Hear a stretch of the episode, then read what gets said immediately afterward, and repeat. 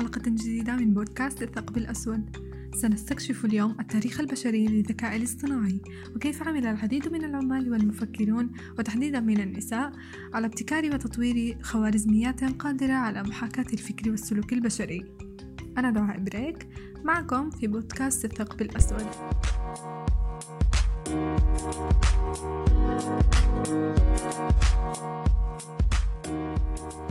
يروى تاريخ الذكاء الاصطناعي غالبا على أنه قصة نجاح الآلات وزيادة سرعتها وذكائها لكنه من النادر ما يتم الحديث عن الدور البشري الذي ساهم في هذا التطور الكبير وساهم أيضا في تصميمها وتشغيلها بدقة عالية.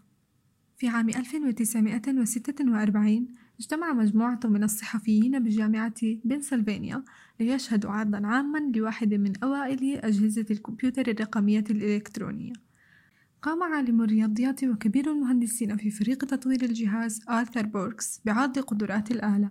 في البداية قام الجهاز بجمع خمسة آلاف رقم معا وقد أكمل هذه المهمة في ثانية واحدة. ثم تبين أنه يمكن أن يحسب مسار القنبلة في وقت أقل مما تستغرقه القذيفة لتطير من بندقية إلى هدف. أعجب الصحفيون كثيرا بأداء الجهاز لأن باستخدام زر واحد فقط تبدأ الآلة بالعمل. وتحسب في لحظات فقط ما كان يستغرق في السابق عددا من الأيام لحسابه. لكن ما لم يعرفه الصحفيون أو ما تم إخفاؤه أثناء العرض هو أن وراء الذكاء الظاهر للكمبيوتر كان العمل الشاق والمستمر في البرمجة لفريق من ست نساء اللواتي عملن بأنفسهن في السابق كأجهزة كمبيوتر. ظهرت فكرة بناء جهاز حاسوب قادر على حساب مسارات القنابل في السنوات الأولى من الحرب العالمية الثانية. كانت مدرسة مور للهندسة تعمل مع مختبر أبحاث القذائف حيث درب فريق مكون من مئة شخص على الحساب اليدوي لمسارات القذائف المدفعية. تتطلب تلك المهمة مستوى عالي من المهارة الرياضية بما في ذلك القدرة على حل المعادلات التفاضلية غير الخطية واستخدام أدوات التحليل التفاضلي.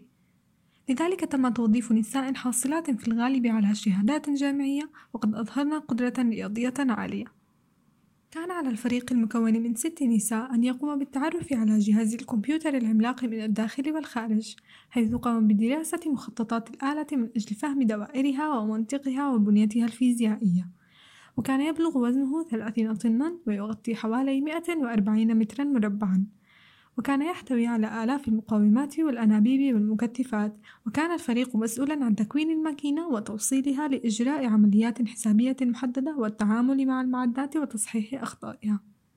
لم يكن ذلك الحاسوب جاهزا لحساب مسارات القنابل أثناء الحرب لكن بعد ذلك بوقت قصير تم تجنيده لإجراء حسابات الاندماج النووي.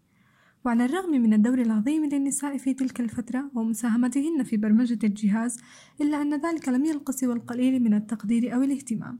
ويرجع ذلك جزئيا إلى أن البرمجة كانت لا تزال مرتبطة ارتباطا وثيقا بالحسابات اليدوية وبالتالي تم اعتبارها نوعا من العمل الفرعي. وركز كبار المهندسين والفيزيائيين على تصميم وبناء الأجهزة والتي اعتبروها أكثر أهمية لمستقبل الحوسبة. لهذا السبب عندما تم تقديم الحاسوب أخيرا للصحافة عام 1946 ظلت العاملات الست مخفيات عن الأنظار كان ذلك فجر الحرب الباردة وكان الجيش الأمريكي حريصا على إظهار براعته التكنولوجية من خلال تمثيل الجهاز كآلة ذكية ومستقلة مع إخفاء العمالة البشرية. ولم يذكر سوى القليل من العمل الطويل للنساء اللواتي عملن بدقة عالية لتطوير الحواسيب الذكية. وبذلك فإن للنساء دور عظيم في بناء الحواسيب القديمة والحديثة ودور عظيم أيضا في جميع المجالات المختلفة وصلنا الآن إلى نهاية هذه الحلقة انتظرونا في الحلقات القادمة في مواضيع وقصص جديدة